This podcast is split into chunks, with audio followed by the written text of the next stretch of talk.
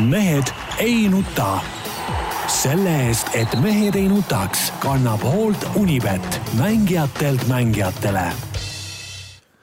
Tervitus kõikidele Mehed ei nuta vaatajatele ja kuulajatele, on teisipäev, mitte küll kell üksteist, vaid mis ta siis on, kaheksa kolmkümmend seitse, kui me oleme salvestamas oma sellenädalast saadet, natukene dikteerivad meile neid kellaaegu Pekingi olümpiakava koostajad, kes noh, ikkagi noh, kuidas öelda, ei ole ikkagi nagu nii-öelda korralikku eeltööd ja, ja, ja meie meediaplaani kuidagi nagu arvestada osanud, aga noh, hiinlastelt, mida, mida sa ikka ootad, et Peep, tervitus sulle kõigepealt. tervist, tervist, aga hiinlastelt ei ole tõesti midagi, midagi oodata, et nii on.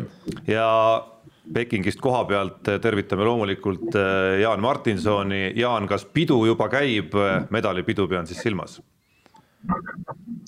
No veel ei käi kindlasti, sellepärast tööd on vaja teha, aga kui mul nüüd Peep annab käsu kätte, et, et davai, marss pidu pidama, siis muidugi sööstaks hea meelega. no seda, seda, et sa äh, viski järgi keelt limpsad juba seda, selles mõttes ei kahtlegi, aga paraku pead veel tööd tegema no alustades ikkagi kõige värskemast, alustades kõige värskemast ehk siis äh, sellest, kuidas äh, Eesti on esimese medali kätte saanud Kelly Sildaru pronksmedali näol, siis äh, Jaan, enne kui me asja juurde ja võistluste juurde läheme, siis selline mulli olümpia, nagu meil on, et missugune saab olema üldse medali tähistamine? ei no mis siin, me oleme kõik mulli sees ja mulli sees me võime teha kõike, mida tahame, et, et ma kujutan ette, et täna õhtul lähme, lähme kõigepealt restorani, seal võtame väiksed õlled või suured, kõik sõltub ja no pärast seda me võime ju seal ükstapuha, kus jõmiseda, meil on seal all isegi kaks lobibaari, sinna võib minna, seal isegi müüakse joovastavaid jooke pudelite kaupa, äkki võtaks sealt äh, midagi kaasa ja noh, ühesõnaga võimalusi on palju. Äh, linna peale ei saa minna. tundub, et tingimused on paremad, kui olid Tokyos, kui sa mäletad, siis me Tokyo medaleid tähistasime minu äh, kitsukeses toas, ütleme siukse, siukses improviseeritud äh, peol, aga, aga ütleme ka seal olid joogid maitsvad ja, ja, ja, ja kõik oli nagu timm, aga, aga ütleme kuskile niimoodi istuma minna ei saanud. Just ja siin Pekingis on tegelikult selles mõttes huvitav, et vaata Tokyos me ei tohtinud sööki süüa restoranis ja isegi me ei hotelli all hommikusööki me pidime tassima tuppa, aga ei, siin on, siin on kõik lauad on kenasti pleksiklaasiga äh, eraldatud. istume noh, nagu oma klaasis, klaasist kambrites ja, aga, aga juttu saab ajada ja noh, võtad õlle kaks ja kolm ja siis see jutt muutub nii piisavalt kõvaks, eks, et äh, läbi pleksiklaasi on ka võimalik kuulata no minu hääl kuluks seal nagu marjaks ära, ma arvan. Plexi, pleksiklaasi medalipidu, räägi Jaan seda ka, kus sa praegu oled, et eh, sellel on oma roll mängida, mängida selles, miks me seda saadet just praegusel hetkel just minuti pealt põhimõtteliselt eh, oleme salvestamas. Eh, ma olen siis Hüppemäe all pressikeskuses ja, ja ootan, et, et kahevõistlejad hakkavad oma tööga pihta siin mingisugusel ajahetkel ja Kristjan Ilvest ootame põnevusega, aga, aga kuna siin ajakava ju pöörati, keerati nagu lühemaks, et eh, kahe poole tunni pärast, eh, pärast suusahüppeid algab kohe murdmaa, siis eh, näiteks lootus temaga pärast hüpet paar sõna vahetada, see kadus ära, sellepärast et ta annab kaks sõna televisioonile ja siis tormab kohe järgmiseks võistluseks valmistuma, et noh, et tegelikult oleks täpselt samamoodi ma võinud juba olla Suula staadionil ja, ja, ja seal kogu seda protsessi telekast jälgida. Oleks võinud rahulikult minna hoopis laskesuusatamist vaatama, selle ära vaadata ja siis, siis minna, minna sinna suusa poole peale, et, et kui oleks teadnud, et nii on. oleks sulle andnud sellised juhised. just, aga juba praegu siin ma olen ja, ja, ja, ja nii paraku asjad on nii, aga läheme, läheme äkki asja juurde ilma pikema sissejuhatuseta, loomulikult tänases saates Äh, peafookus saab olema olümpiamängudel, loomulikult ei pea pettuma ükski meie kuulaja-vaataja, kes ootab ka Eesti laulmise meistrivõistluste äh, analüüsi, ütleme siis no, ja, ja väga-väga korralikku ekspertanalüüsi mingil hetkel meie saates, seda on ka meie kuulaja-vaataja kirjades juba läbi kumanud, et, et see ootus on üleval, aga alustame loomulikult kõige värskemast ehk siis Kelly Sildaru pargisõidu pronksmedali võidust no anname vaba mikrofoni kõigepealt eh, Jaanile, kes sa oled eh, ilmselgelt eh, meist kolmest ainsana ikkagi nagu nii-öelda tõsisemalt Kelly tegevustele nii-öelda nagu ajakirjanikuna juba aastaid-aastaid kaasa elanud, kohapeal käinud võistlustel ja ja, ja, ja jälginud seda teekonda, et, et, et mis su emotsioonid?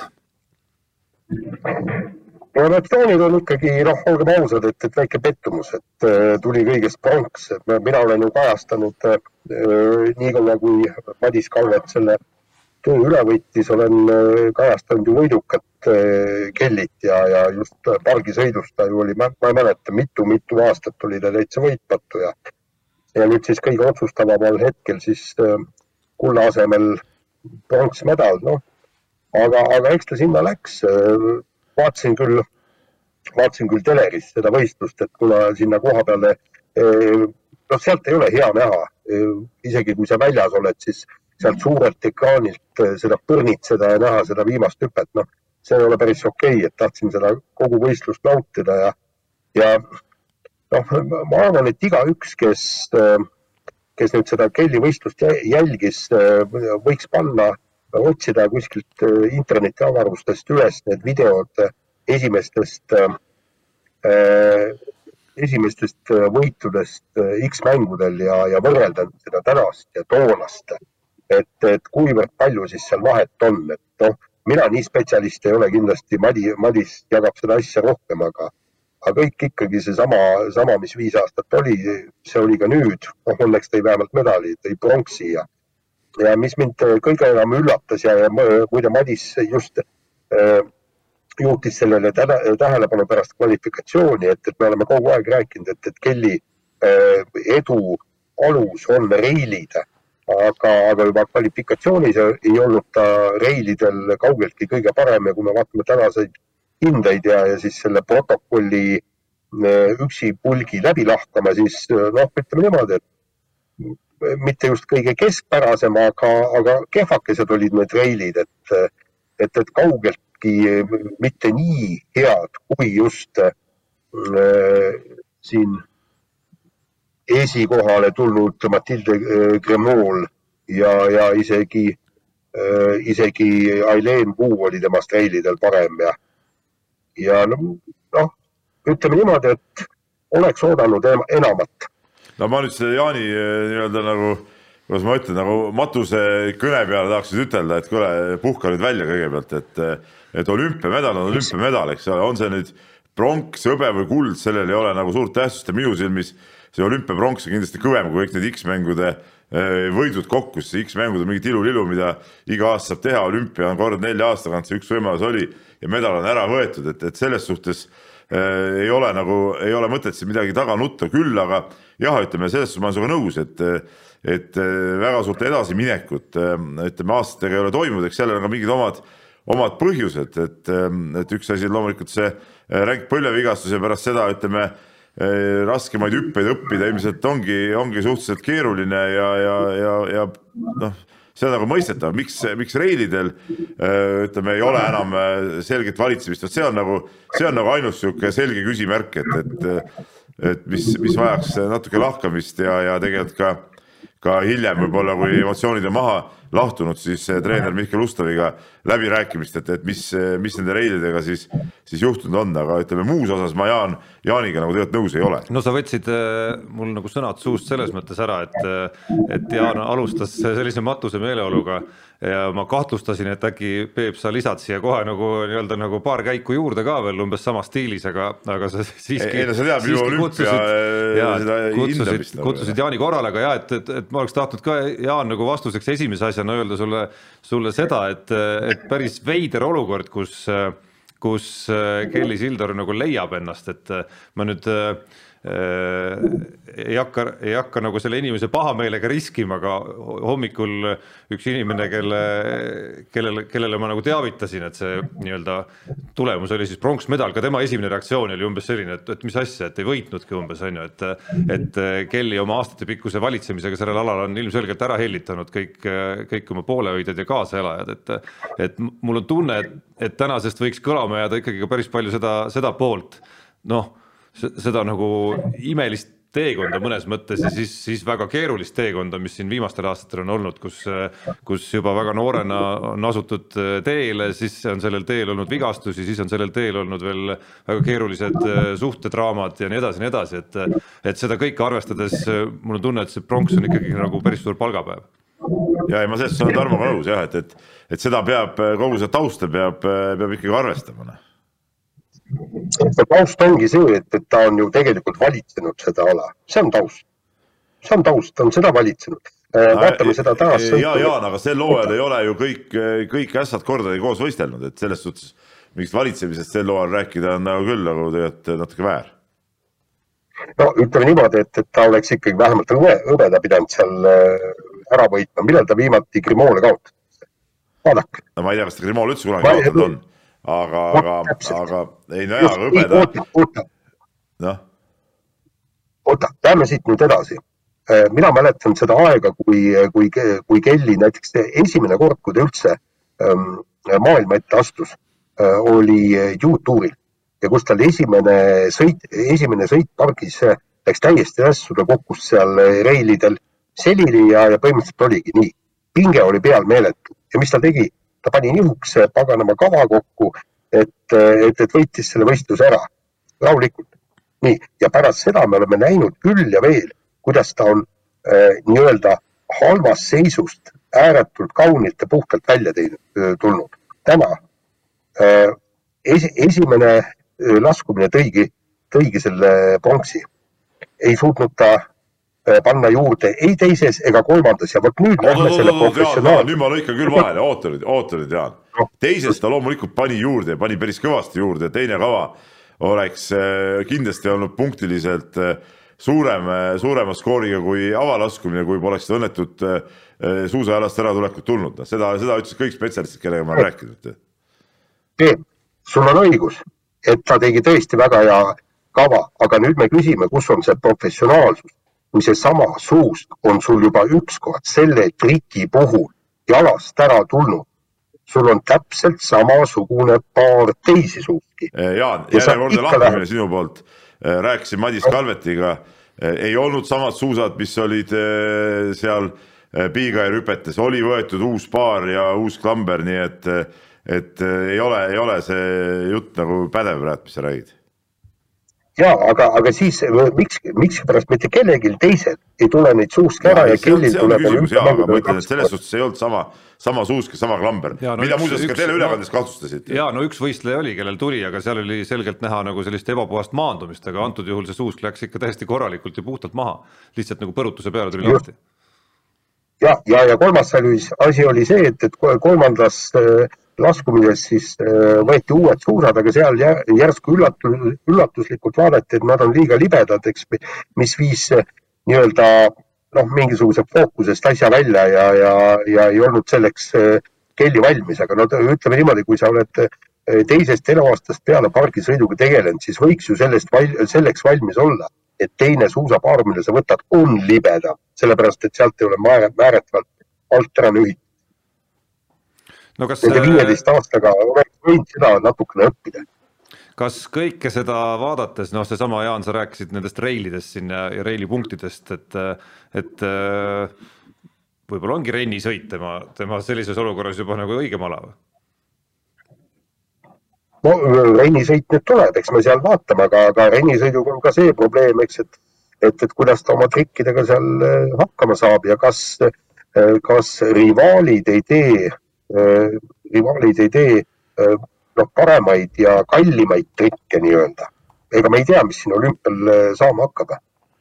no ütleme, see hindamine. see venelanna, see venelanna, kes seal napilt, napilt medalist nii-öelda välja jäi.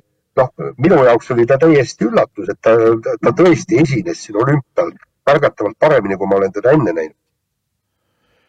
ja, aga see hindamine oli üldse omapärane vist, et, et et äh, esiteks skoorid olid ju väga madalad, teiseks äh, seesama venelanna ja siis äh, norralanna viitasid ka sellele, et, et kuidas need hinded olid ikkagi liiga madalad ja nüüd see venelanna see viimane hüpe tundus mulle ka nagu, et, et see oli nii vinge, et, et kuidas neid punkte sai sealt nii vähe tulla, aga, aga ja oli, oli ta väga frustreerunud, kui ta andis Kanal kahele seal Marko Kaljuveerile intervjuud et, et noh, eks see siukse hinnangulistel aladel alati see küsitavus, küsitavus jääb õhku, et, et mis seal puutub seda rennisõitu, siis siin on nüüd, nüüd kaks detaili, et, et selge see, et see pronksmedal võtab esimese pinge maha ja, ja on lihtsam minna seda rennisõitu sõitma, kui, kui nüüd oleks üldse medalita jäänud, et see vabadus on nagu käes, olümpiamedal on olemas.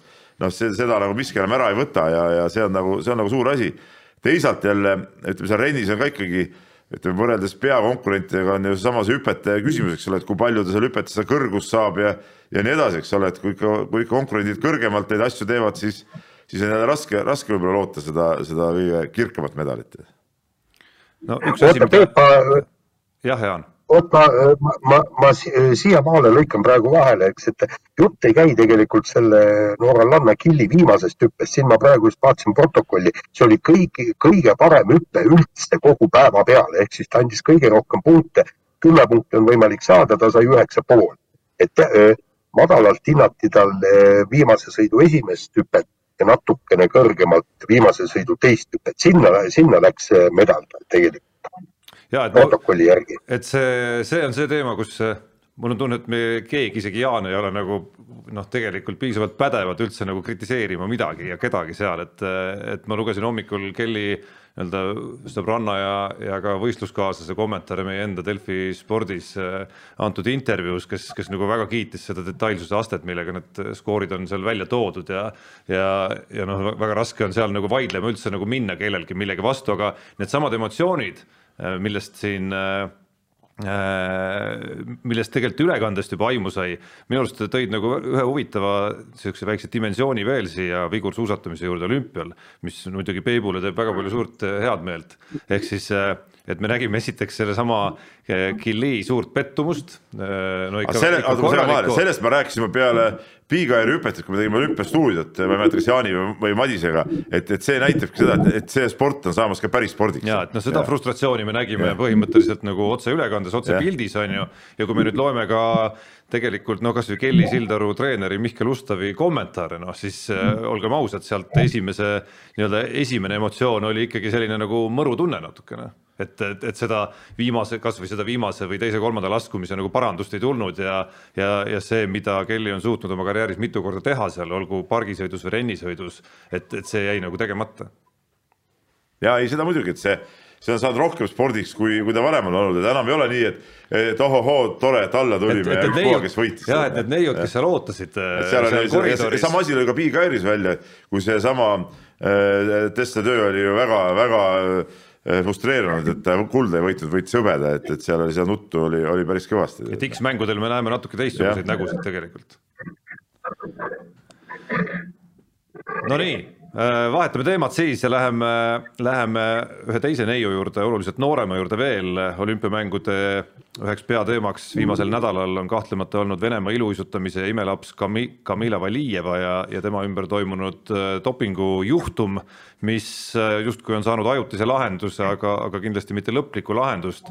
ehk siis äh, hetkeseis on see, et äh, täna saab Valijeva võistlemist alustada, aga see lugu on ikka üks väga kummaline ja veider lugu, millest mul on tunne, peaks olema päris paljudel osapooltel palju õppida. no mul, minul on hea meel, et Valijev võistelda saab iseenesest, sest et noh, ma olen teda siin Tallinnas võisteldes ka oma silmaga näinud ja tõesti super, super asi on see, kuidas ta, kuidas ta sõidab ja see on nagu vaimustav vaadata aga teisalt jälle, kui nüüd see otsus tehti, siis, siis siukse nagu, nagu imeliku, kuidas ma ütlen, nagu, nagu äh, kindlustusega, et, et mingeid medaleid kohe välja ei anta ja, ja kakskümmend viis tükki saavad äh, vabakavasse ja noh, see on nagu sihuke nagu veidrus jälle, et, et, et kui otsus tehti, siis tehke nii, et, et on kui on ja, ja võistlus lõpeb seal ära, kus ta lõpeb ja ja, ja, ja kui ei, siis ei, eks ole, et, et see selline selline rõõbad ja mjassa, nagu venelased ütlevad, noh, see, see oli sihuke jura otsus minu arust.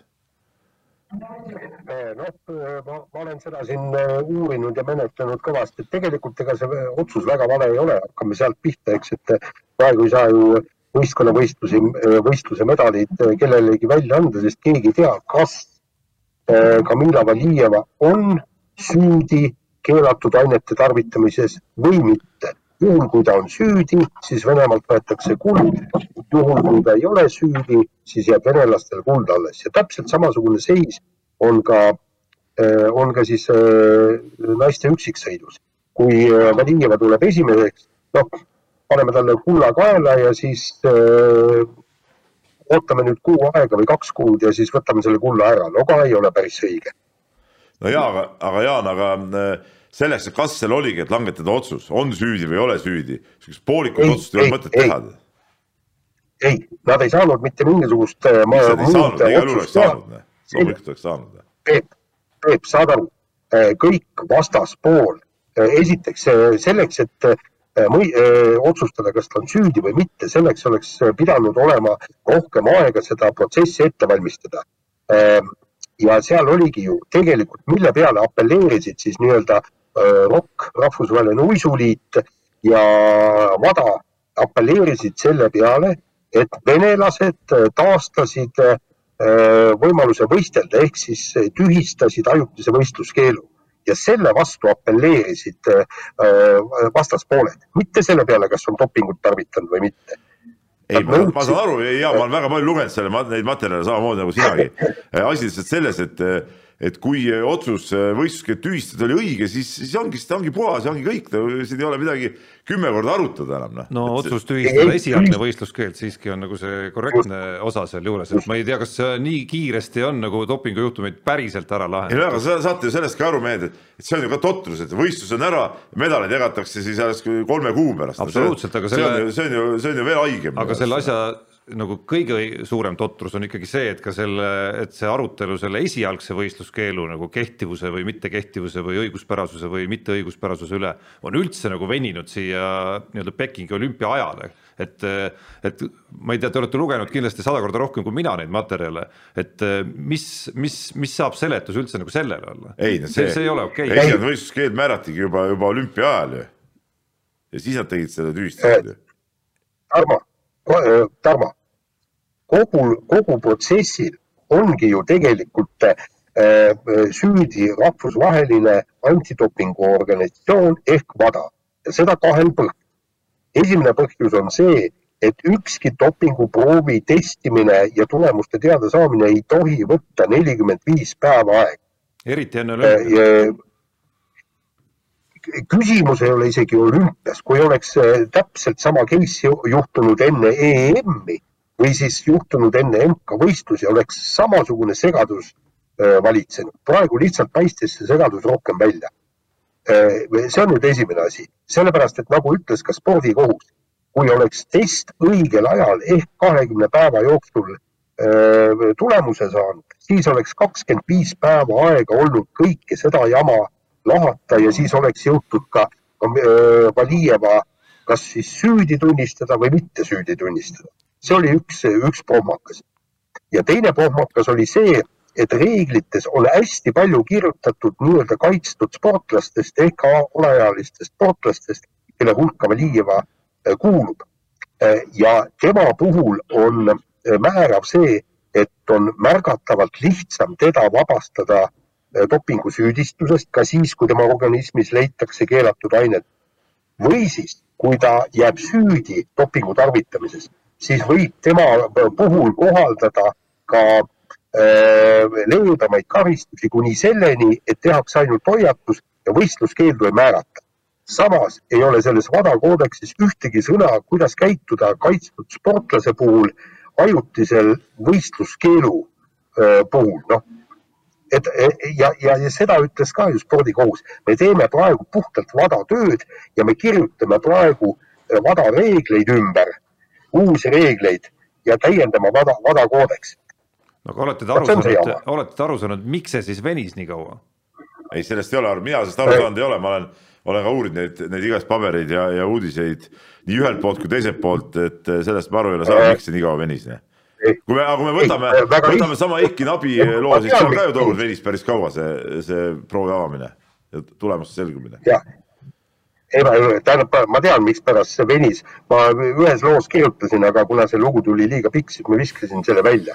Äh, asi oli selles, et ähm, no oli nii, noh, äh, proov, proov võeti Peterburis ja, ja saadeti Rootsi testimisele, aga millal see võeti, kallid inimesed? Kakskümmend viis detsember. mis Rootsis toimus sel ajal? jõulud. mis Rootsis jätkus? uus aasta ja mis pärast seda tuli tulid talvepuhkused, nagu meiegi firmas on ju nädalane talvepuhkus. no see absurd, see ongi absurd ja no see ei ole mingi, mingi põhjus ju. Jaan, sa ise ka aru, et see ei ole tegelikult mingi põhjus, mis sa praegu välja tood, esiteks jõulude ja uue aasta vahel olid ka tööpäevad teiseks eh, enne olümpiat ei ole mingit puhkust ette nähtud. ei no ma ei tea, kas selles Rootsi konkreetses laboris. kuule, selle jaoks ongi, et olümpia jaoks asju korda see ei ole mingi põhjus, Jaan. Noh. ei no see on põhjus, aga see ei ole nagu, see on absurd, kui see on põhjus no., nii on õige öelda, ma arvan. minu arust see, see Rootsi labor peaks põlema panna siukse asja peale. Peebukene, kas sa tõesti arvad, et Rootsi ametiühingud lubaksid äh, ametiühing ongi Jaan saatanast, ametiühing kui selline on kõige idiootsem organisatsioon üldse maailmas, mis takistab elamist. Sel hetkel, sel hetkel, kui sel hetkel, kui Jaan kasutas sõna ametiühing, siis ma muidugi oleks sõna-sõnalt äh, saanud ette ennustada, mis äh, siit minu laualt vastast äh, tuleb reaktsiooniks sellele, aga aga hüppame nüüd veel sammu edasi, okei okay,, see, et Vada on käkerdanud ja see, et see, et see nagu jada on läinud, noh, tegelikult ikkagi nagu väga totraks, et olümpia ajal põhimõtteliselt ja viimasel tunnil peaaegu peab siis iluuisutamisvõistluse favoriit üldse teada saama, kas ta nagu starti saab minna või mitte, on ju, ja noh, mis sellest stardist välja tuleb, saab olema muidugi veel omaette eepos, et, et noh, väga noh, inimlikult väga raske, aga mingis mõttes muidugi väga huvitav nagu mingit reality show'd vaadata, et mismoodi siis viieteistkümne aastane selliste pingetega hakkama saab, et me mäletame ise Kristiina Šmiguni ühte, ühte olümpiat, mis läks tegelikult ju täpselt noh, mitte nii viimasel sekundil, aga no läks tegelikult ju selle, nende pingete nahka, mis, mis sarnases juhtu-, sarnasega juhtumiga nii-öelda tuli üle elada eelnevatel nädalatel ja, ja, ja eelneval perioodil on ju. aga tulles nüüd nagu veel nagu järgmise küsimuse juurde, on see kaitstud sportlase noh, nagu termin ja see kaitse, mis siis sellele kaitstud sportlasele tuleb. kui see ongi näiteks see, mis no seal on teemasid veel, eks ole, et kas see aine üldse peab olema keelatud või mitte ja nii edasi, nii edasi, aga fakt on see, et see on seal keelatud ainete nimekirjas. aga kui see nii-öelda pääsetee saab olema viieteistkümne aastase maailma parima iluuisutaja jaoks see, et ta on kaitstud sportlane ja, ja natuke liiga noor et kas see ka teistpidi ei ole nagu veider siiski? see on väga veider, minu arust see sellisel spordialal ütleme, võimlemine, iluuisutamine, no see ei ole nagu mingi argument, et seal, seal viie-kuueteistaastased on ju täiesti tavalised, noh, see on isegi ujumises on siuksed äh, noored ju olemas, et, et see, see on minu arust mingi, see on jälle mingi juriidiline veidrus, mil, mil tegelikult äh, spordimaailmaga mitte mingit äh, reaalset kuidas ma ütlen, nagu, nagu põhjendust spordimaailmas ei ole tegelikult.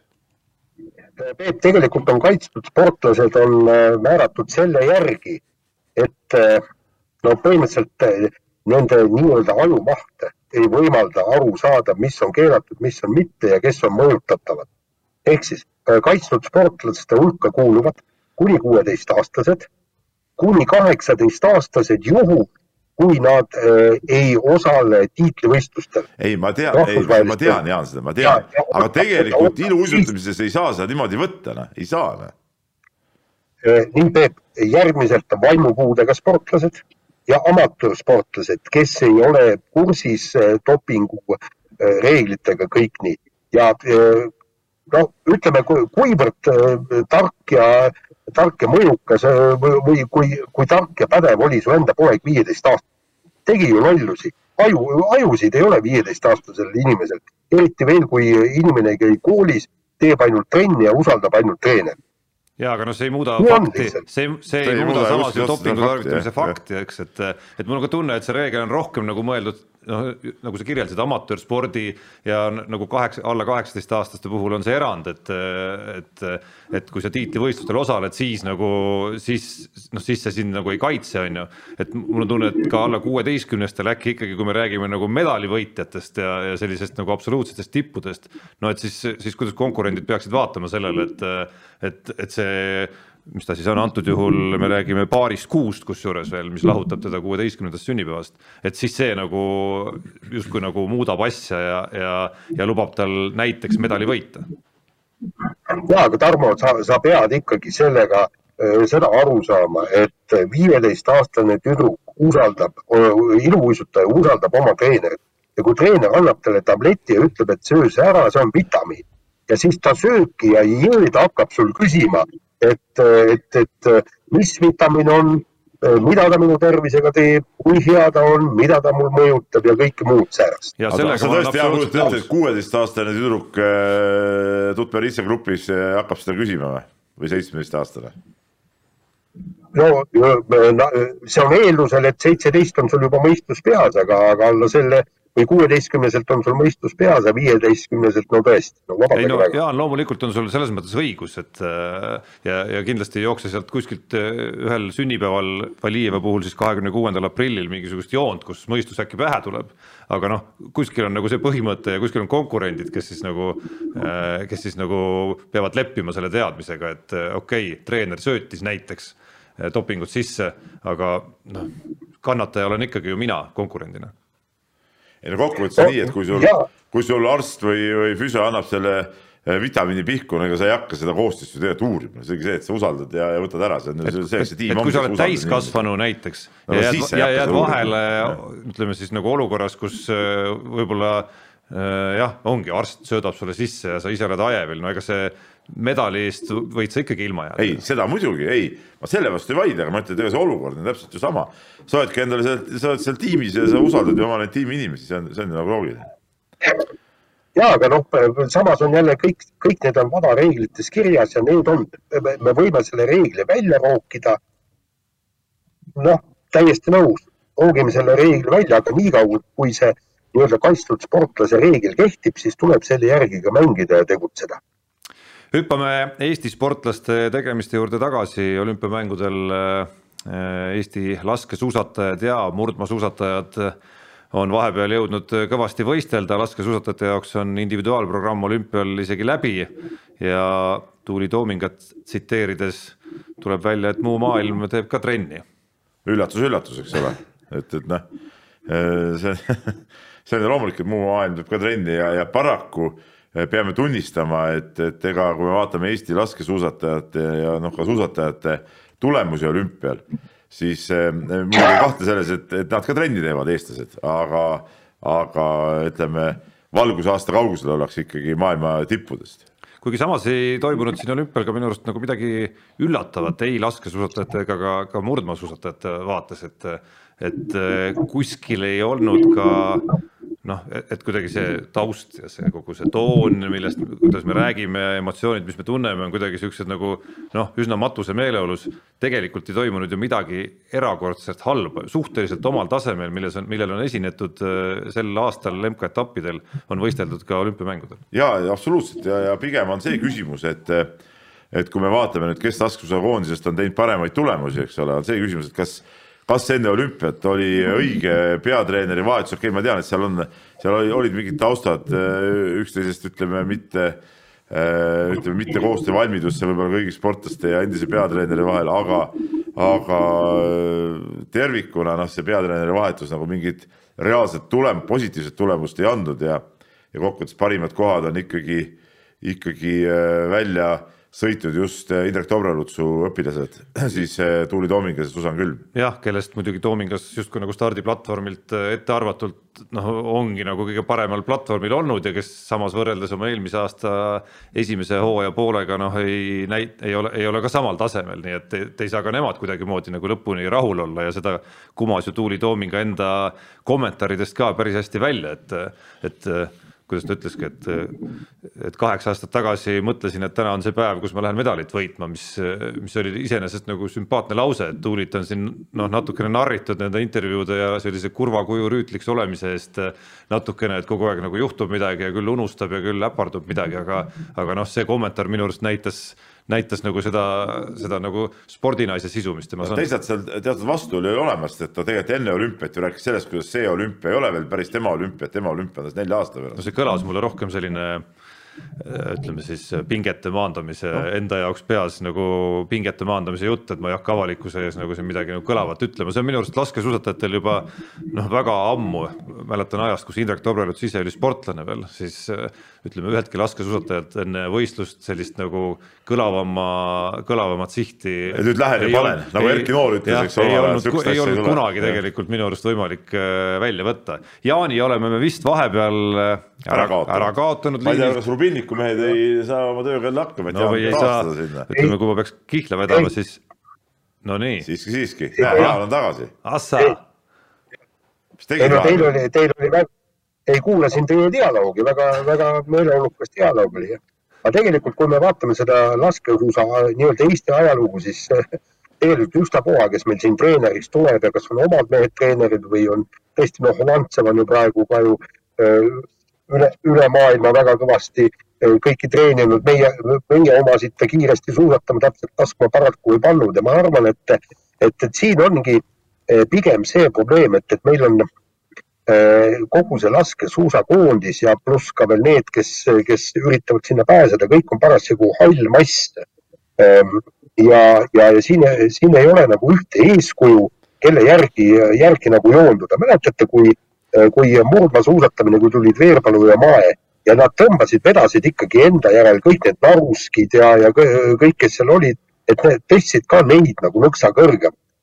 et, et meil paraku, paraku ei ole e, seda liidrit, kes teeks trenni täiesti maailma tasemel, näiteks maailma tasemel tulemusi ja siis teised vaatavad, ohoo, näed, tema treenib nii, harjutab nii, selliste koormustega ja kõik nii, et järelikult, kui mina tahan kuhugi jõuda, siis ma pean ka koormused selliseks kerima. see on nagu üks, üks nagu mõttekogu kogu no, sellel lool. jah, noh, teine mõte, mida me ju kunagi ei tea, on, et, et millised üldse seal äh, ühegi sportlase, noh, see valik ilmselgelt ju Eesti puhul, olgu ta laskesuusatamine või murdmaasuusatamine, noh, sportlaste valik ei ole ju noh, võrreldav üldse ühegi suurema suusariigiga, et et mis on üldse nagu kellegi looduslikud eeldused selleks, et, et üldse nagu tehagi näiteks kõvemat trenni et äh, tehagi nagu võrreldavat trenni näiteks, kui, kui teevad maailmas konkurendid, et ega me ei tea ju täpselt neid, neid andmeid ja, ja kõike seda poolt seal juurde, et, et võib-olla me selle valiku juures natukene nagu ootamegi liiga palju ka. ei no vaata, see rohkem trenni tegemine on ka nagu selles suhtes äh, mitme otsaga asi, et, äh, et see on omaette andekus, et sa jaksad seda trenni teha, suudad üldse nii palju trenni teha nagu ei no, ei no see tuleb ju väga selle, selgelt füsioloogiast, kas sa üldse, kas su keha üldse nagu suudab või mitte. jah, selle taha see paljuski jääbki. Ja noh, sujuvalt sind laskesuusatajatest äh, kandes seda juttu, et ega murdmaasuusatajate kohta kehtib ju põhimõtteliselt äh, kõik sama, sama jutt. kusjuures Tarmo, ma tahtsingi, ma tahtsingi siin just tuua, hüpata nüüd laskesuusatajalt murdma, et tõesti, meie laskesuusatamise kandepind on ääretult õhuke, aga Äh, Ken Neenast äh, intervjuus Postimehele ütles ju, et, et Eesti nii-öelda suusakultuur ja, ja nii-öelda stardiplatvorm ehk siis kõik need noored suusatajad, kes, kes võistlevad, võistlevad seal ETV suusasarjas ja kõik see, et ehk siis meie stardiplatvorm on parem kui Šveitsil ja Austrial ja veel mõnel niisugusel väiksel suusariigil. et ehk siis meil on seda valikut märgatavalt rohkem kui paljudel teistel riikidel. ainukene asi on see, et, et me ei suuda millegipärast sellest suurest valikust mitte kedagi üles kasvatada ja, ja me ei räägi kümnetest lastest, me ei räägi sadadest lastest, me räägime isegi tuhandetest lastest. kui me vaatame viimase kahekümne aasta perioodi, kes on käinud nendes noorte suusasarja võistlustel, seal oli parimatel päevadel oli tuhat last osales ühel aastal. See on tuhat last ühel aastal, erinevat last. ja, ja, ja sealt ei ole tulnud kedagi, mitte kedagi. Ei ole välja tulnud. Ja, aga ma ütlesin juurde seda, et Keit Einast on tore mees, aga mis sa Šveitsis istud, tule hakka siin Eesti suusatamist vedama ja tegema, tundub, et nagu annet selle, selle töö peale, treenimise peale on, et, et, et aeg on nii-öelda nagu käisid üles käärida ja hakata siin kodus seda, seda asja ajama, et, et Jaan, sa seal äkki näed teda, et ütled talle selle edasi, et, et lõpetagu see jama ära seal ja, ja tuleb ikkagi iga, iga mees oma koju ja hakaku siin eh, meie asja ajama. Peep, ainukene asi, kuhu ma, kus ma loeksin Kein Einast, aga kuhu tema tasemega mees praegu kindlasti ei tule, oleks noortetreener. sellepärast, et mida ta teeb Eesti koondise eesotsas, tal on teadmised kõik, tal ei ole materjali materjali, kellest midagi vormida. aga meil on ja, ja, ja tegelikult... vaprad tüdrukud, me oleme omavahelises vestluses saanud mitu korda öelnud, et tüdrukutest võib asja saada, no aga palun väga, noh. ei, ja aga nendest võib ka asja saada, neil on praegu oma treener, vaatame, kuhu, kuhu sealt edasi veab, aga ma tahaksin neile tüdrukutele öelda, et pange siit putku, minge Šveitsi, minge Rootsi, minge Soome, proovige seal ja, läbi lüüa. see ongi nüüd rumalus, mida sa räägid, siis ei ole vaja putku panna ja Šveitsi minna kui seesama Šveitsi koondise treener, kes on Eesti mees, tuleb koju ja hakkab siin seda nii-öelda kaasaegset metoodikat kasutades neid üles töötama, mis see Šveitsi läheb? aga see Šveitsi koondise treener, kes on Eesti mees, Peep, ta tuleb koju tuua, teistpidi saab ka seda tulebki koju vaadata. tuua, ta peab ise ka tahtma tulla. ja, ja mitte ainult tuua, vaid luua ka talle nagu muu nii-öelda infrastruktuur sinna kõrvale, mis, mis on vajalik selleks, et ega ükski ei neinast ei tee siin ühtegi imet. ja loomulikult, aga ütleme, meil on mees olemas järelikult ju, kes, kes saaks selle tööga hakkama, nii et et äh, Suusaliidule ka siin muidugi äh, väike nähvakas rihmaga, et, et aeg on tööle hakata selles suhtes. oota, Peebukene, sa, sa nüüd unustad äh, väga palju asju ära. suusatamine, see ei ole ainult see, et, et paned suusad alla, need suusad peavad all olema head. loe Kristjan või kuula Kris-, Kristjan Ilvese intervjuusid. tal on parim määrdetiim taga. Eestil, kas on üldse määretiimi, teine asi. Jaanikene, mis, mis, mis, mis soga sa täna ajad äh, hommikust saadik äh, täielikku sousti, noh.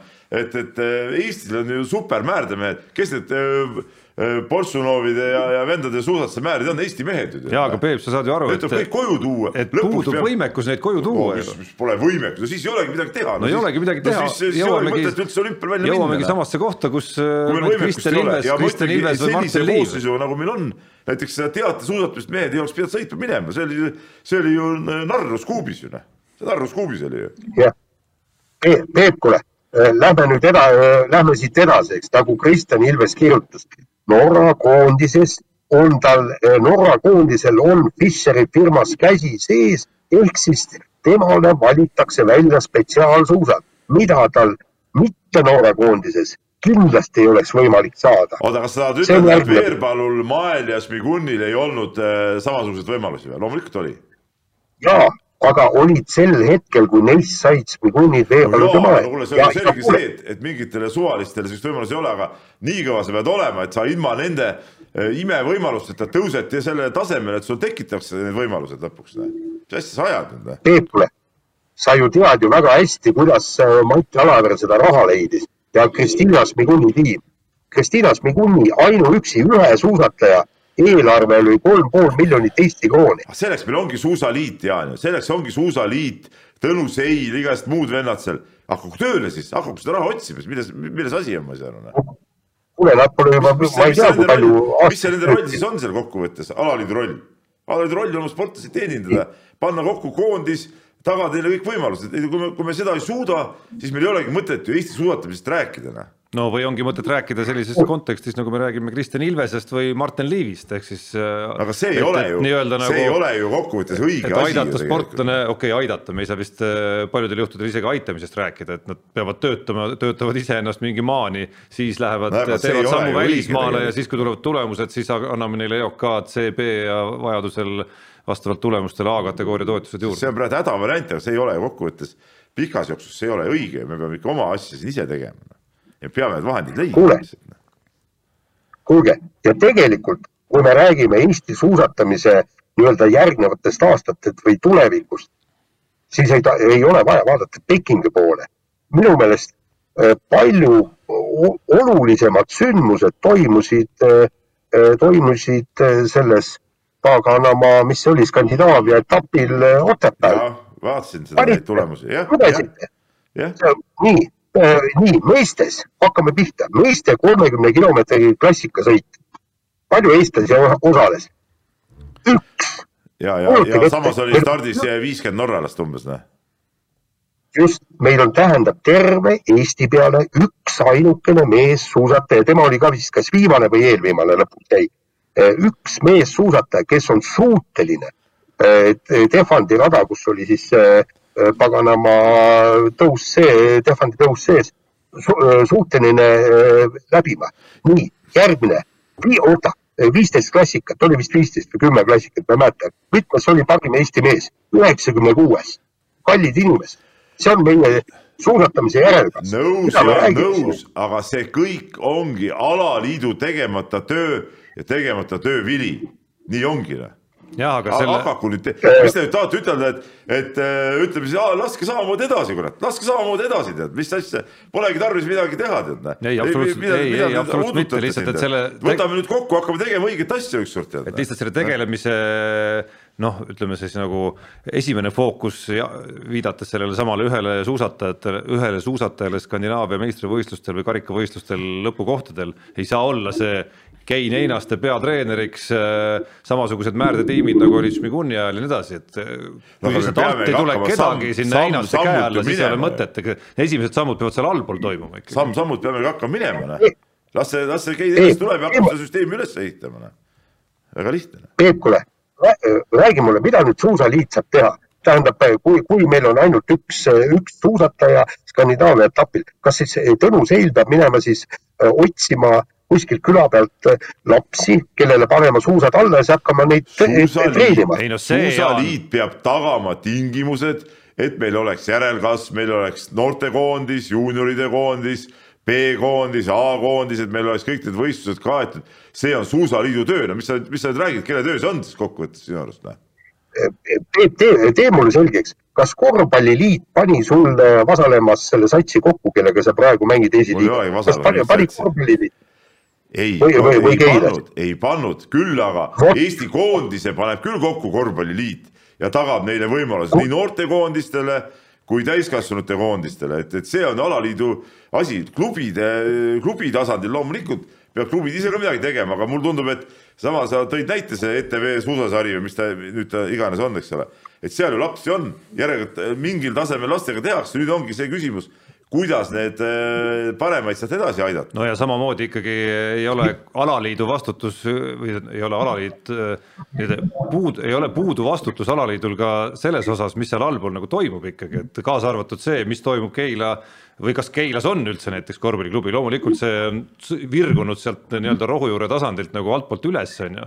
aga noh, selliste sammudega nagu näiteks, mida korvpallis küll ei ole praegu, kus eh, nii-öelda nõuda mingite noortesüsteemide olemasolusid ja niisama asju, noh nagu jalgpall eeskujuks on, see kõik on alaliidu töö jällegi, et ei saa öelda, et alaliitu see üldse ei puuduta, vastupidi, kindlasti puudutab.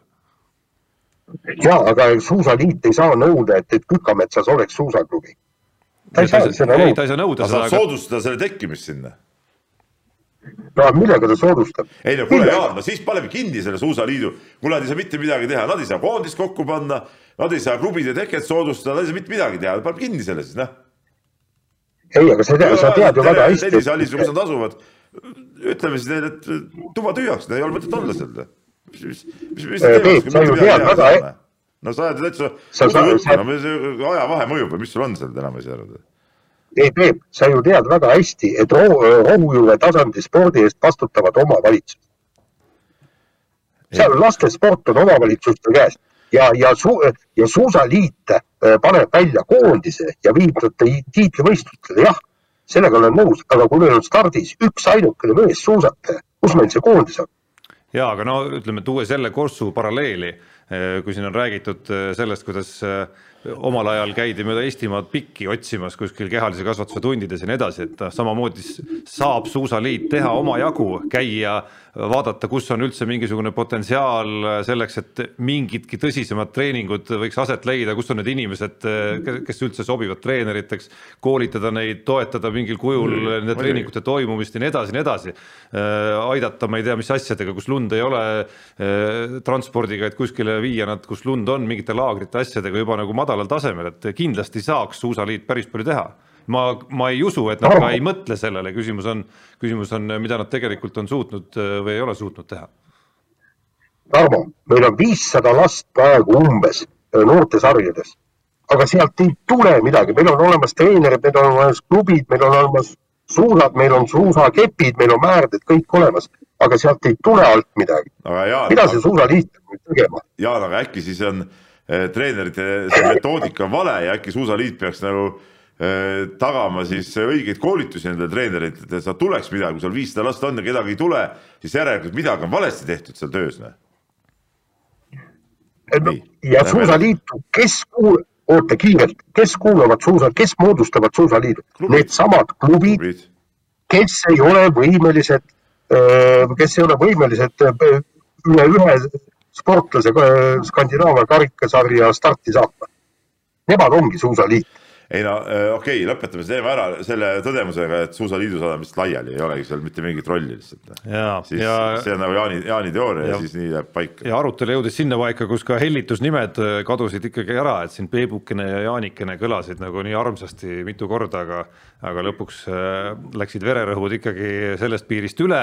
nüüd teeme natukene kiirema osa olümpiaploki lõpetuseks, kõigepealt Peebu kiirülevaade puust ja punaseks kõikidele, kes ei ole alagrupi faasis veel jäähokiturniirile, mis teatavasti on selline olümpiamängude nagu püha, püha lehm taliolümpial siis, et äh, kiirülevaade puust ja punaseks, Peep, kes on kes enne otsustavaid mänge? ei no otsustavad mängud juba käivad ja kaks otsustavat mängu on juba ka lõppenud. no ma räägin otsustavate mängude all ikkagi neid mänge, kus on Venemaad ja, ja, ja sellised meeskonnad.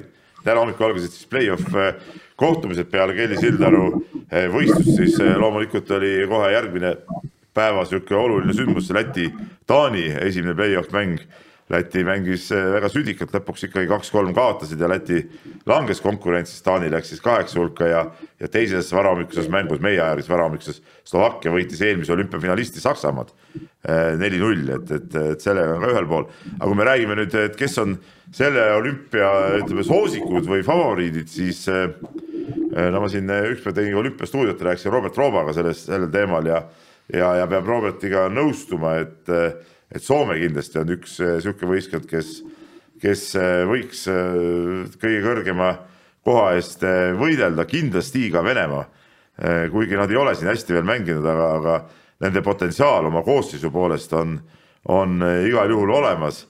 üllatusvõimelised Kanada ja, ja, ja täna siis ka Tšehhi-Šveitsi mäng veel, et, et kui Tšehhi nüüd sealt välja tuleb, siis Tšehhil tegelikult ütleme sihuke, sihuke esimene ründekolmik, teine ründekolmik, seal on ikka väga kogenud ja head mehed.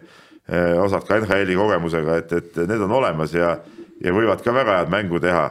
et, et seal siukseid lahtisi otsi on, on palju ja, ja turniir on veel, on veel huvitav, huvitav tulema, et, et loomulikult see nii-öelda Euroopa mängijatest kokku pandud Kanada ja, ja, ja, ja Rootsi ja ütleme siin nagu neid, neid ägedaid satse küll, aga, aga ütleme siiamaani võib-olla jah, ütleme Soome on võib-olla kõige paremini oma potentsiaali välja mänginud ja, ja, ja kõige vähem oma potentsiaali välja mänginud on siis Venemaa, kes tegelikult võiks need sammud nüüd järgmiste mängudega äh, ära teha, et, et äh, no nad on ka otse veerandfinaalis ja kohtuvadki Taaniga seal, et et see tuleb ka vägev mäng. no see nauding praegu, et Peep sai sellise vaba mikrofoni siin kohe nagu inimeste harimiseks, seda, seda oli tajuda siin stuudios kohe selline soe okay, ja positiivne okay, aura jah. ujus siit kohe, kohe Narva maanteeni välja. aga ma hüppan järgmise teema peale, segatiimide hüppevõistlusel Pekingis jäeti siis viie võistleja tulemused lugemata, tohutu skandaal, põhjuseks siis ikka needsamad lotendavad kombinesoonid kas siis on süsteem absurdne või Jaan, nagu sa kirjutasid, et, et suusahüppajad, lõpetage see, lõpetage see petmine ära lihtsalt? ma olen ikkagi selles seisukohal, et suusahüppajad ajavad millimeetrit taga ja ja, ja siis proovivad need äh, kombinesoonid teha võimalikult lotendavaks. ja kui me siin äh, kuuleme ja loeme neid artikleid, seal on niimoodi, et nad treenivad seal nii-öelda mõõteplatvormil äh, seismist et siis nad peavad seal kuidagi, ma ei tea, põlved on kindlas asendis ja, ja käed ja õlad ja mis seal iga, iganes on ja siis vastab see kombinatsioon määrustele. aga nii nagu nad ütlesid, et nii kui nad sunniti neile, kusjuures reeglites ei ole kirjas, millises asendis seisma peab. Nad on ise võtnud MK-sarjas, nad võtavad sisse ühe asendi ja kõik mõõdab. ja siin olümpial järsku keegi kirjeldas, et, et oli vaja käed üles tõsta. ja mis selle käte ülestõstmisega oli, oligi see, et, et vöökoht tõusis kohe paar sentimeetrit kõrgemale ja loomulikult, eks, puusade pealt tõusis talje kohale ja loomulikult oli sealt laiem eks ju, et oleks ta niisugune pool tükk asendis edasi olnud, siis oleks see kombinatsioon, kombinatsioon olnud paras, et noh, selles mõttes mängitakse ise lolli ja tahetakse seda millimeetrit äh, selle asemel, et võtta pool sentimeetrit teistpidi lõtku, ehk siis, et mind kindlasti maha ei võeta, ma teen ta siis pool sentimeetrit kitsama, tehakse pigem pool sentimeetrit laiem, et äkki ma pääsen seekord läbi ja selle saateosa lõpuks natukene siis äh, naljakama poole ka, olümpia ei saa väga tõsine olla.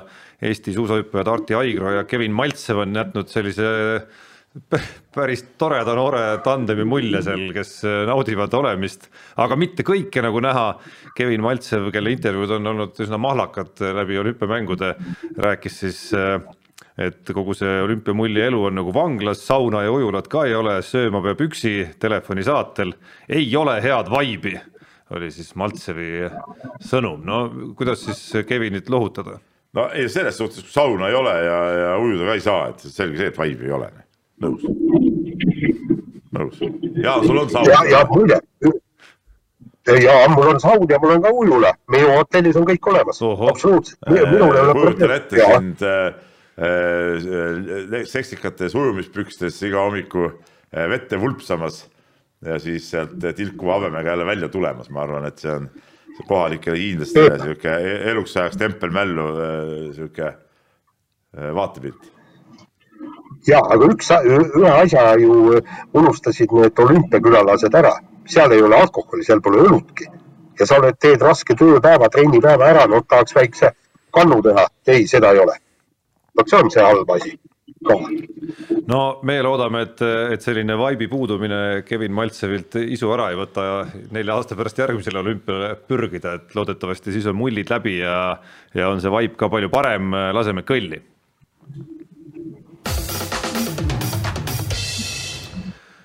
ja räägime natukene ka teemadest. nii, Jaan, jah ma nüüd vahepeal lähen jalutan ära, et vaatan, mis siin, mis siin toimub ja ma tulen mõne minuti pärast tagasi. Jaan on meil saates nüüd nagu vaba kuulaja põhimõtteliselt vaba jalutaja aga ongi te,, ongi teie teemadega, mina neist ei tea ju mitte midagi, eriti veel Eesti Laulust, mida ma ei ole kuulnudki.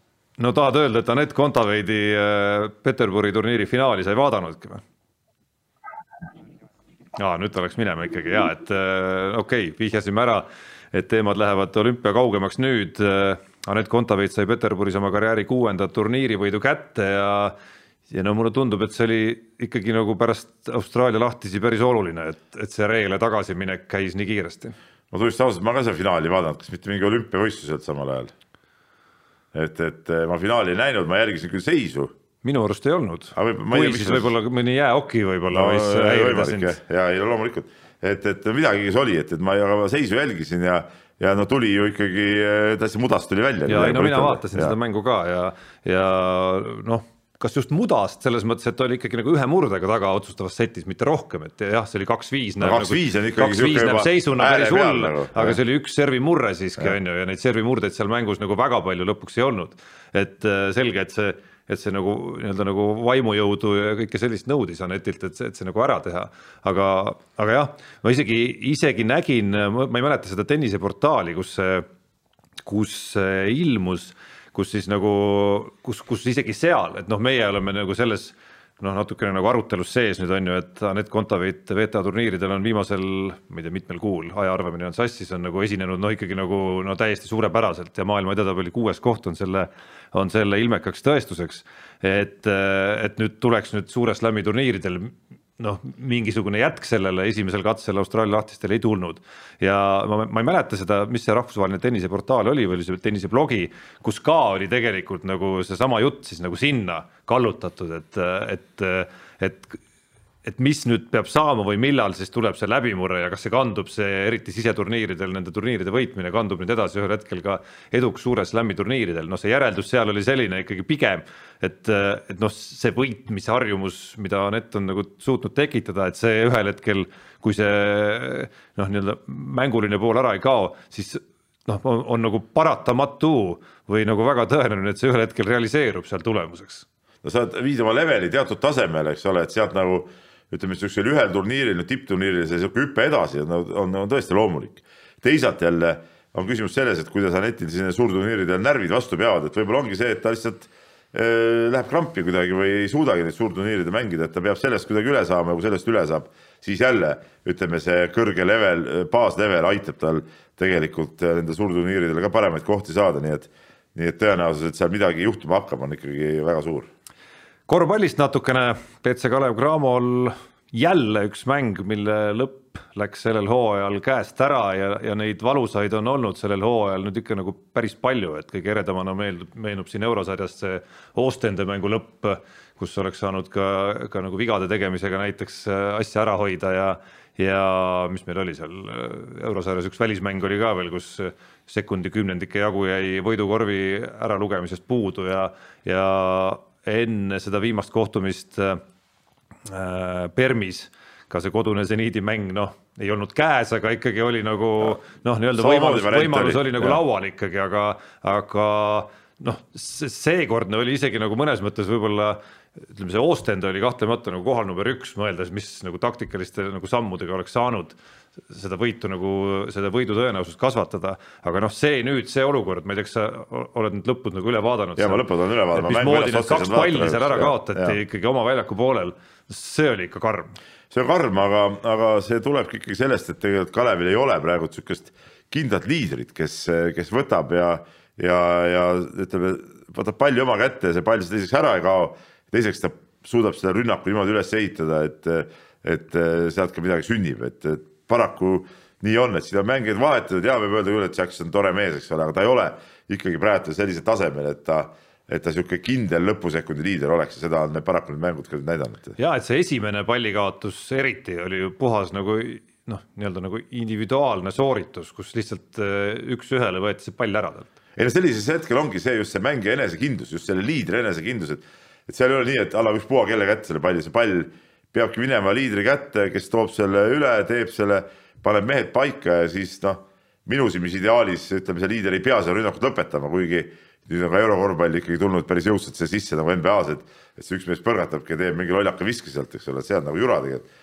et, et tegelikult palju parem on, kui see on kuidagi välja mängitud ja, ja viskab hoopis keegi teine, kelle peale võib-olla vastased ei, ei oska nagu nii äh, oodata seda seda oleks võinud muuseas ka Kalev tookord seniidi mängu lõpus teha, et, et aga, aga ei tehtud. aga noh, see selleks, aga praegu meil sellist meest ikkagi ei ole, niisugusel tasemel mängijat, midagi teha ei ole.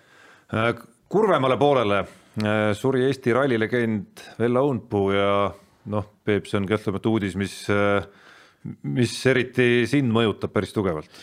ja ütleme, Vello Õunpuu, üks minu lapsepõlve või noor, noorpõlve siis, siis lemmiksportlasi, mäletan kui ta sõitis rallikrossi Vasalemmas, oli Harju-Keki rallikross ja kuidas ta seal, seal ütleme, hullutas publikut äh, seal vägevate möödasõitudega ja, ja loomulikult see, kuidas nad tulid koos Aare Timuskiga sotsialismimaade karikavõitjaks ja see oli, see oli kõik, äh, noh, see oli ülim tol ajastul, mis üldse autorallis võis saavutada, eks ole.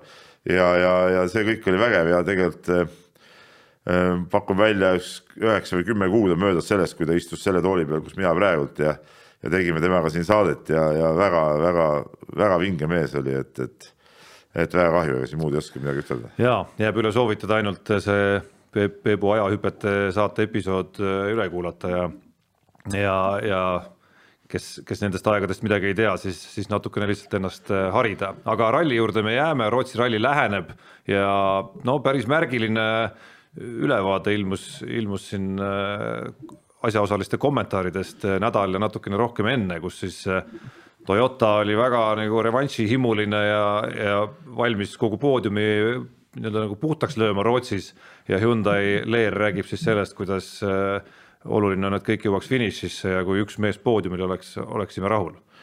no ma väga tahan loota, ma olen ise Rootsi kohale ka ja, ja väga tahan loota, et, et Tänak tegelikult suudab nii-öelda kübarast jänese välja tõmmata, nagu öeldakse, et, et suudab, suudab seal Toyotatele vastu hakata ja noh, tegelikult ta on lumel ülikõvane. see, kuidas ta eelmine aasta selle Arctic Rally võitis ja, ja ta on varemgi lume peal ikka vägevat sõitnud, et on, on lumel ülikõva, nüüd ongi ainult see küsimus, et, et kui, kui vähegi sõidukõlbulikkust ta selle auto suudab selleks ajaks seadistada, et, et see on, see on see võtmeküsimus, aga, aga kui on natukenegi võrdsed või, või kui see autode vahe Toyotaga ei ole mingi hirmus suur, siis oma, oma selle oskuste enda poolest ma arvan, Tänak on tegelikult seal nendes tingimustes kõigist üle, ka Kalle Romppärast, keda muidugi peetakse ka lumemeheks. aga okei okay,, kuskil on äh, reaalne praktika, mis, mis näitab tegeliku seisu ära, aga, aga kommentaarid viitavad ilmselgelt sellele, et, et mingisugust nagu kiiret, kiiret hüpet selle masinaga ei saa ka nagu teha ikka. Äh, tead, mis ma ütlen, need kommentaarid. Need kommentaarid ei viita mitte, mitte millegile tegelikult et, et, et see kõik on äh, paras udujutt, mis seal ennem räägitakse ja sellest ei saa, äh, sellest ei saa nagu mingeid järeldusi teha Jaan on ka meil tagasi ja täpselt õigel ajal, siis kui kiire vahemängu lõpetuseks äh, teeme me juttu Eesti laulmise meistrivõistlustest ja ma alustuseks kohe pean ütlema, et ma eile hommikul pidin saama nagu, mitte, mitte, mitte ei pidanud saama, vaid saingi nagu šoki. Äh, ja nüüd, nüüd on, nüüd on nagu küsimus, väga suur küsimus. no esiteks taustaks äh, kogu see Eesti Laulu finaali eelne periood oli meil toimetuses siis selline periood, kus Peep, kes noh, üldiselt igas koridori nurgas ja igal koosolekul kõige kohta tahab arvamust avaldada. Äh, loomulikult ei jätnud seda tegemata ka laulmisteemadel ja muudkui jauras oma Sandra äh, ja Sandra laulu ümber. see oli hea lugu, see on väga hea lugu. no see hakkas kummitama lõpuks toimetuses seal väga paljudel inimestel. nii, punkt üks. nii, ja siis, kui selgus esmaspäeval, eile hommikul siis, et äh, võistlus oli ära Peep ise äh, tööandja kulul siis, äh, mis loomulikult võetakse palgast maha pärast, andis ka viis häält selle võistluse jooksul, siis selgus, et viiest neli läksid tõesti siis Sven Lõhmusele ja, ja tema kompaniile, aga üks läks ansamblile, grupile nimega Minimal Wind. Ja see oli nüüd täielik šokk minu jaoks. Ja see on nüüd nagu, nüüd on nagu kaks varianti. Variant A, et kas Peep tõesti on nagu inimarengus teinud mingisuguse sammu üles või variant B, et ma pean ise oma muusikalise, muusi-, muusikalised nagu eelistused üle vaatama, sest noh, see oli minu jaoks ülekaalukalt äh, parim ja lemmiklugu sellel võistlusel, et, et, et kumb variant nüüd siis äh,? vaata Tarmo, see tegelikult tõi välja see, et sa oled koosolekutel väga tähelepanematu, tegelikult ma rääkisin eelmine nädal vähemalt ühel koosolekul kindlasti sellest, et äh, Minimal Wind on, on ka üks mu lemmiklugusid ja, ja ütleme sinna top, toppi läheb igal juhul. seda esiteks, seda esiteks, teiseks. mis juhtub? teiseks, me oleme Tarmo sinuga väga head sõbrad olnud väga pikka aega aga tegelikult sa ei tea ju minu muusikaeelistust mitte midagi. ei, ma mõtlen, kas minu hea maitse on lihtsalt nagu natukene nakkama hakanud? ei, sinu ma, hea ma, maitse, ma isegi ei tea, ma ei tea ka sinu muusika, ma ei tea, no ma tean umbes tegelikult mis sulle meeldib, aga minu muusika. ei no sa räägid Elmari raadiost tavaliselt, me... Minimal Wind ja Elmari raadio on nagu kuskil nagu Austraalia ja, ja Eesti. ongi ja kui me, kui me võtame lahti minu nii-öelda Spotify playlist'i, siis seal on ka niimoodi, et ühest seinast äh, teise seina, ma võin sulle pärast näidata sealt. ai no selle sealt, paneme, äh, paneme mehed ei nuta Facebooki üles. ei no seda ma ei tea, kas me Facebooki üles paneme, seal on palju ka meie idanaabri muusikat näiteks, seal on äh, siukest nagu Dire Streetsi, kes on mu absoluutselt lemmikansambel näiteks on ka siukest, siukest mõnusat, mõnusat diskovärki tead, mis on ikka minu ajastu, minu ajastu muusika. Ja, ja ma ütlen, ma ütlen veelkord, tegelikult eh, ikkagi see Sandra oli kõige, kõige parem lugu, siin ei ole midagi rääkida, mis aga puudutab seda Minimal Windi, siis see muidugi on selline lugu,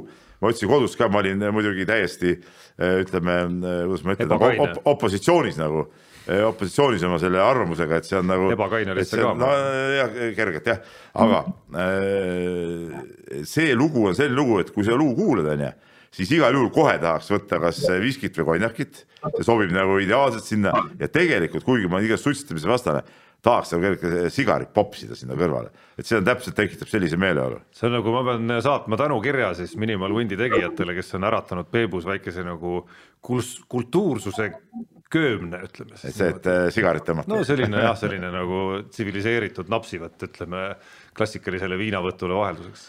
Äh, no klassikalist viinavõttu muuseas saab elus ikkagi väga harva, sest klassikalist viinavõtuks on tarvis ikkagi siukest seltskonda. üksinda ei hakka viina võtma. nii, Jaan, kas sa kuuled ka meid ja tahad midagi veel siia nagu tarka öelda asjast, millest sa muidugi midagi ei tea?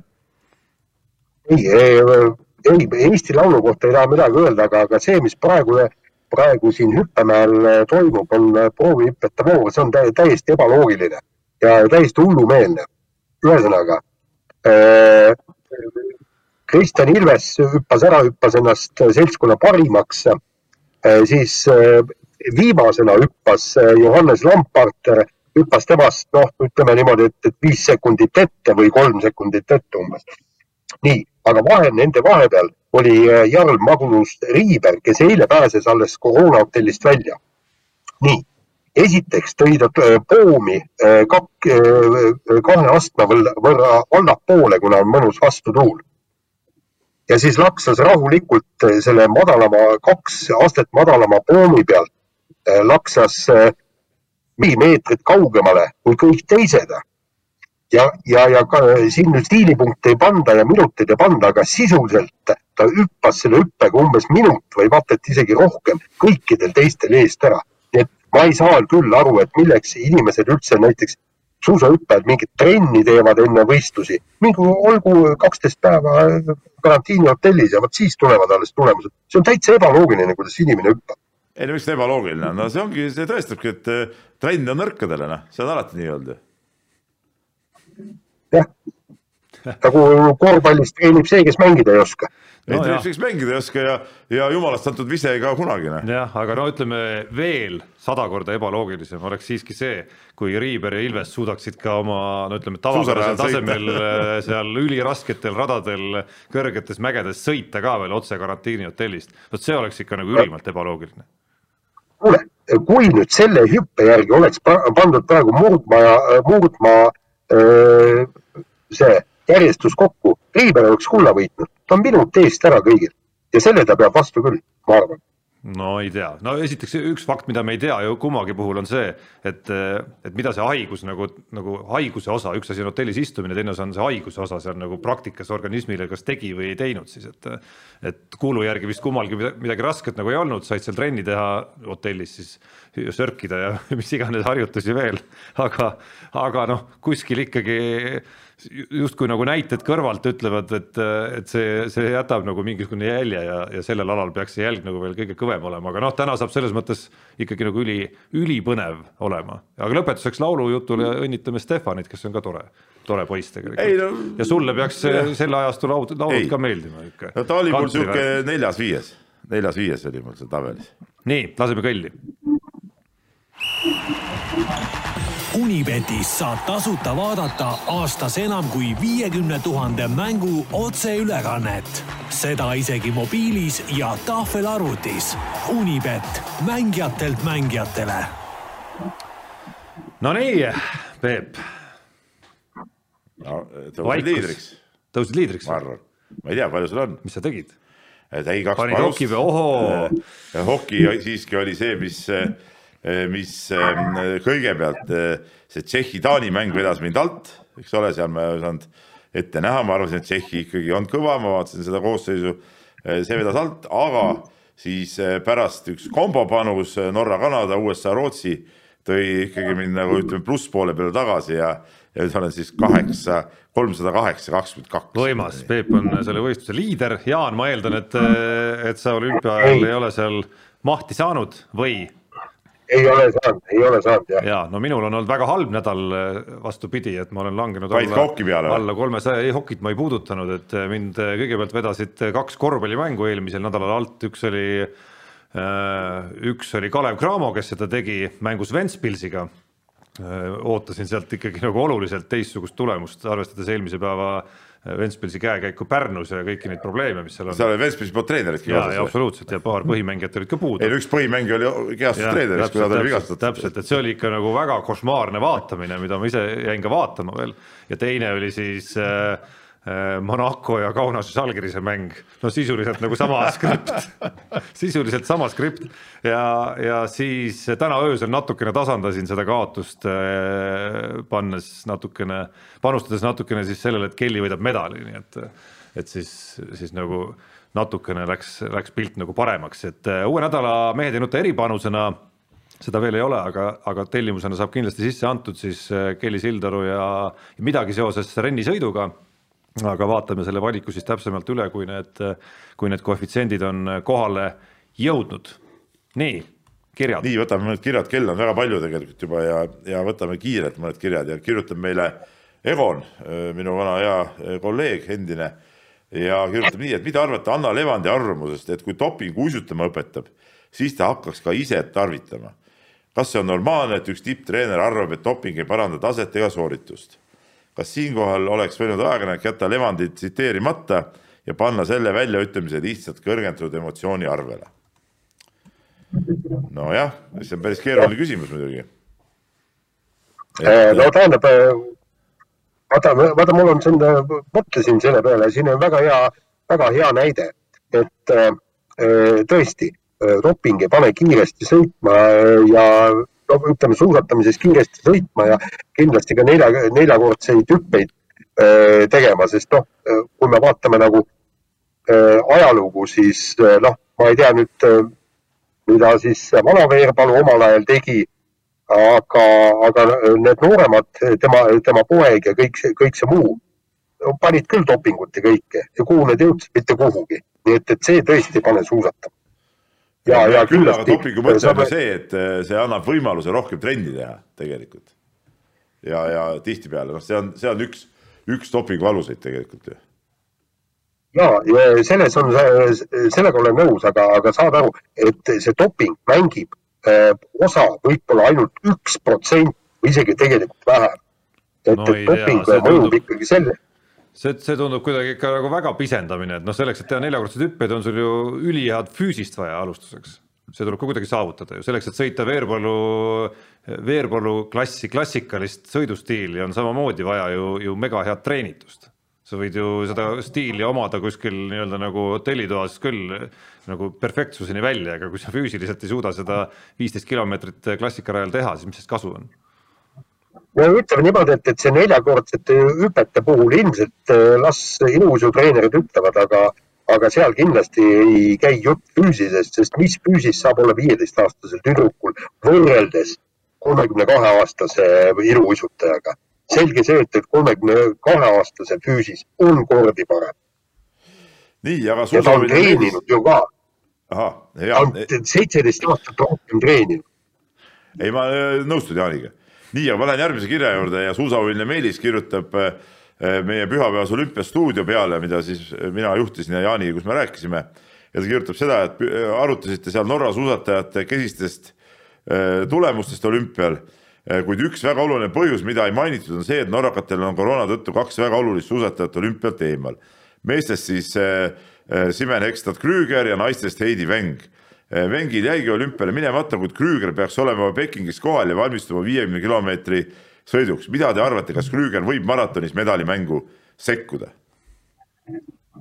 no mina isiklikult arvan, et äh, kõigepealt tuleb stardinimekiri üle vaadata, et kes seal üldse sõidavad ja noh, kindlasti võib, aga, aga noh, kuivõrd palju on ta saanud trenni teha, see on kõik taga täpselt samamoodi, eks, et kui, kui noh, Ilves ja Riiber, nad ei ole saanud piisavalt hästi trenni teha ja nad ei ole kindlasti nii hästi valmis kui teised.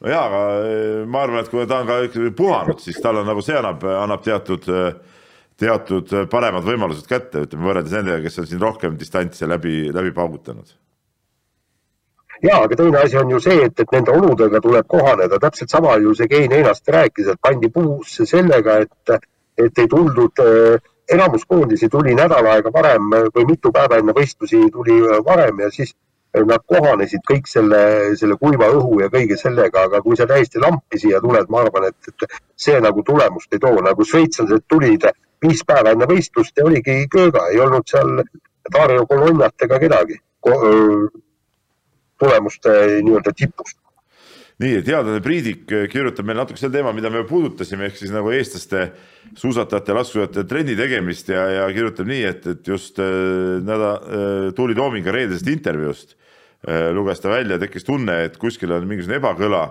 aastaid on käinud jutt, et meie talialade mehed ja naised on trenni tegemise maailmameistrid ning rutiinsed ebaõnnestumised võistlusel lükatakse valme, vale vormiajastuse ja ei tea, mis täna küll juhtus faktori kaela. kuid kas see on trenni tegemise jutt ikka õige? Eh, need naiivsed kommentaarid näiteks Johaugi suunas, et oi-oi, millise hirmsa uskumatu jõuga ta minust mööda läks, reedavad ikka laia kuristikku tippude meie sportlaste võimekuse vahel.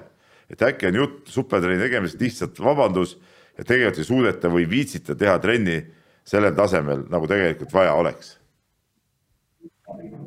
ma ise arvan see, et, et trennil ja trennil on vahe, eks, et, et trenn peab tootma lõppkokkuvõttes tulemust ja, ja keegi ei tea ju, mis, millist trenni me teeme, noh võib-olla tõesti kühveldatakse nagu kuskil, kuskil siin mõni aasta tagasi räägiti liiga palju sellest, et meie teeme seda mahutrenni äh, liiga palju, et, et selles mõttes, et, et oleks äh, vaja vähem mahtu ja rohkem intensiivsust, eks. Noh, näiteks see on üks asi ja ja, ja kuidas need treeningplaanid on seat, äh, seotud, seatud ja, ja kuivõrd need arvestavad nagu sportlase personaalset võimekust ja kõik, no see on niivõrd palju küsimusi, et noh, tundub, tundub, et, et kohati tehakse trenni küll, aga tulemust see ei too. noh, sõna supertrenn on juba nagu suhtes ju iseendaga ma ei tea, kas seda supertrenni mõeldaksegi, kui, kui seda räägitakse eh, suhtes siis nagu teiste koondise või maailma tippudega on ju, et, et noh, ma ei tea, mulle paned, annad käsu kätte sõita iga päev kolmkümmend kilomeetrit eh, seitse päeva nädalas ja siis eh, noh, minu jaoks on see nagu hüper-supertrenn juba mis ilmselt noh, murrab keha nagu üsna kiiresti ära, eks, juba ma ei tea, mitmendal päeval, eks aga, aga spordi mõttes on see ju, pole, pole trenngi õieti. viimase kirjana võtan Madise kirja ette ja see vist ei ole Madis Kalvet, kes seda kirja meile saatis. aga ta siin tsiteerib eh, kaasaks olümpia isa Pierre de Coubertini kuulsat sõnu Sitius Altius Fortius ja, ja sellest lähtuvalt siis kirjutab, et, et ta paneb nagu kahtluse alla seda viimase aja trendi, kus olümpiaalade nimekirja lisandub aina punktisüsteemi alasid et silmale on see küll ilus vaadata, aga mis on sellest siis seos kiiremini, kõrgemale, tugevamini motoga. et näiteks suusahüpete stiil iluuisutamisel, eh, samamoodi stiil, eks ole, erinevad lumelaua ja suusa freestyle, vigursuusatamise alad. et ähm, sellest, sellest siis äh, lähtuvalt ta küsib, et mis on olümpia või siis taliolümpiamängude äh, kolm kõige mõttekamat ala, kõige mõttetumat ala ja, ja kolm ala, mis seal võiks nagu juures olla. Keeruline küsimus muidugi, ma ütlen nii, et, et noh, mõttetumate alade hulka ikkagi lähebki võib-olla see, et, et noh, liiga palju nagu ühel spordialal tehakse erinevaid nii-öelda distsipliine. et, et noh, võtame nüüd sama see kelgutamine, eks ole, selili kelgutamine, kõhuli kelgutamine, kahekesi kelgutamine, siis bobisõit, ühe bobi, kahe bobi, kolme bobi, no kolme bobi pole, okei okay,, nelja bobi noh, et, et see läheb nagu, nagu liiale ja, ja sama asi on nende, nende vigursuusatamise igasuguste aladega, et, et pargisõit, piiger, siis see rennisõit, no seal on veel mingid, nagu liiga palju on neid siukseid ühesuguseid alasid, kus, kus samad sportlased saavad, saavad tegutseda. olen täiesti Peebuga nõus sest noh, okei okay,, kui meil on tilililu sportlastele ka siin mõnda ala vaja, noh, las ta siis tühi olla, mis ma suusahüpetes üt, kohta ütlen, et seal on punktid, antakse sellepärast, et, et oleks suusahüpe ohutu, et muidu nad lihtsalt, kui ei ole õige maandumine, siis lihtsalt hüpatakse ennast katki.